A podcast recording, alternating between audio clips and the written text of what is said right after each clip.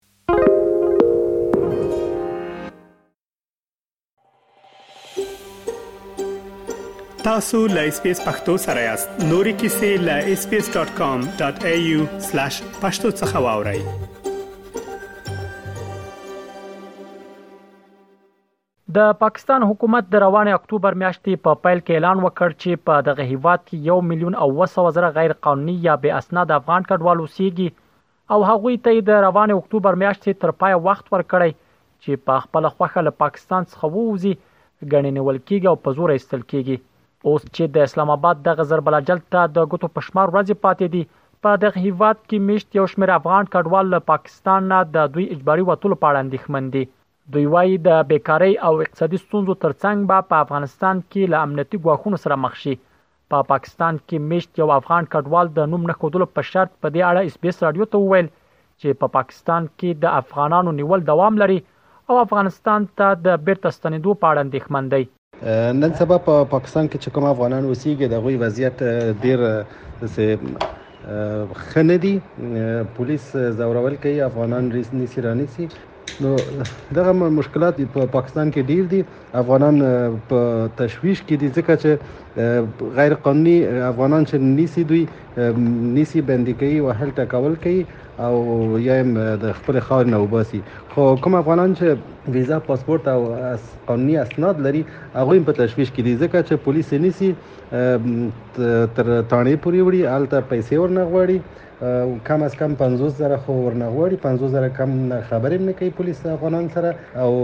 هر چیرته زورول شته افغانان نشي کولای چې په آرام خاطر د خپل کور نه ووزي په پاکستان کې یوې بلې افغان کډوالې مزلفې کاکړ وویل، ژوند یې له سختیو سره مخ دی او پاکستاني پولیسو د ټولو قوانینو خلاف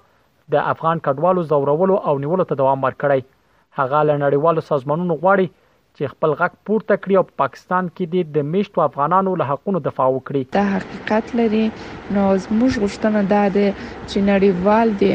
غږ پورته کړي، نړیوال سازمانونه دې غږ پورته کړي. کله چې په اوکراین باندې د خلکو یعنی هغو جناورین لانو په پرتله قسمو د چوز په افغان پاکستان کې په افغان ماجرینو باندې د خپل په اوکراین باندې خپل आवाज پورته کړی نړیوال سازمانونو حقوقي بشرونو ټول خپل आवाज پورته کړی ولې د افغان ماجرین انسانان نه دی ولې د ژوند کولو حق نه لري ول د دې حقوق د پښو لاندې کیږي کله چې دی په هیواد کې ته په قانوني ډول وسیږي بیا هم د دې حقوق د پښو لاندې کیږي ولې ږغ نه کول کېږي نو. په داسې حال کې چې له پاکستان نه د غیر قانوني یو اعشار یو میلیونه افغان کډوالو د ویستلو پرېکړه په نړیواله کچه غندل شوې خو پاکستاني حکومت تر دې دمه په دې برخه کې کوم نرمښت نه دی ښودلی. د ملګرو ملتونو سازمان څو ورځې وړاندې وویل چې هېڅ هېواد حق نه لري کډوال له خپلې خاورې په زوره وباسي. دغه سازمان وویل چې د کډوالو په چارو کې د ملګرو ملتونو عالي کمېشنرۍ په دې برخه کې خپلې اندېښنې له پاکستاني چارواکو سره شریکې کړې دي. له دې سره مهاله د چارو یو شمېر کارپوهان بیا د پاکستان حکومت دغه کار نامناسبه او د کډوالو چارو د ټولو قوانینو خلاف عمل بولي د چارو شنونکي او د افغانستان پخوانی ډیپلوماټ عزیز معارج په دې اړه وویل چې د پاکستان دغه پریکړه نقض کوونکې او هیڅ چا ته د منلو وړ نه ده د پاکستان دا پرېکړه چې د افغان کډوال چې هلته ته اوسېږي خلاف د کنوانسیون د کډوالو په چارو کې یا کنوانسیون د ویانا د 1950 او دغه کنوانسیون د پروتوکول 1918 چې نړیوال ټول دا منله خپل پاکستان په دې کې لاسلیک کړی دی او نورم د کمشنری دی عالی د ملل متحد خلاف د منشور د سازمان ملل متحد همداسې د یونیسیار د اعلامیه د قطعنامه خلاف د ټولو موازینو نړیوالو همدا ډول د حقوق بندوالو خصوصیس د افغانستان او پاکستان په منځ کې کوم تړونه د کډوالو په چارو ماندې سوي دي دغه خلاف یعنی په ټوله کې نقض کوونکی ده او دا هیچا د منلو وړ نه ده نړیوالو ته دلته څخه د کډوال د استلو هم ځان ته خاص اصول لري چې هغه بدرایت سي مراعات سي او ساتنه پالنه کې په دغه کنوانسیون یا ریفوجی کنونشن اف ویانا 1951 په دې کې هر څه تجزیه شوي دي مطابق د دې چې دوی منله ده باید عمل وکړي بغیر هغه نه غیر انساني غیر بشري حتی خلاف د اعلامیې جهاني حقوق بشر د 1940 کال هم کېدلی شي. د چارو یو بل شنونکي فضل الرحمن اوریا بیا د پاکستان دغه پرېکړه وحشیانه او استبدادي وبلله په خبره یې پاکستان په دې توګه غواړي پر طالبانو فشار راوړي او له نړیوالو سازمانونو پیسې ترلاسه کړي. دا چې د اسلام اباد حکومت غواړي له پاکستان څخه افغان مهاجرین په زوره او جبري له دې هېواد څخه وباسي، دا په حقیقت کې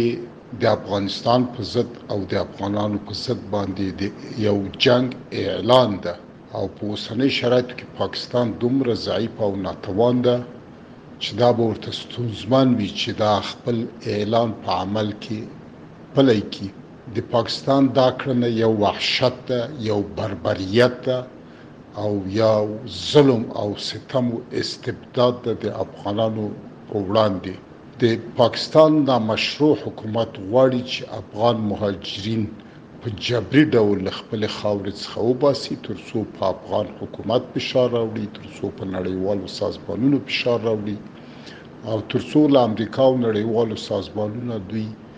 پیسې ترلاسه کړي، بیا چې پیسې ترلاسه کړلې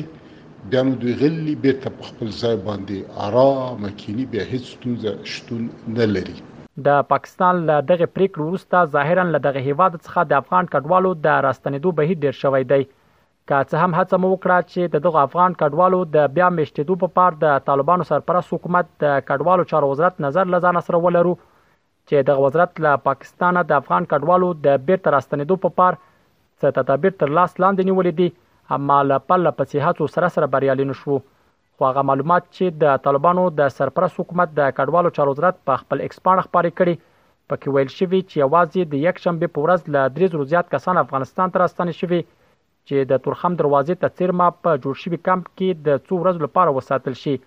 او بیا به خپل ولایتونو ته واستول شي د طالبانو د کډوالو چارو وزارت همدارز ویلي چې د غراستان شوی کډوال د مرستې لپاره د ملګرو ملتونو د کډوالو عالی کمشنري او د کډوالو نړیوالو سازمانونو ته معرفي کیږي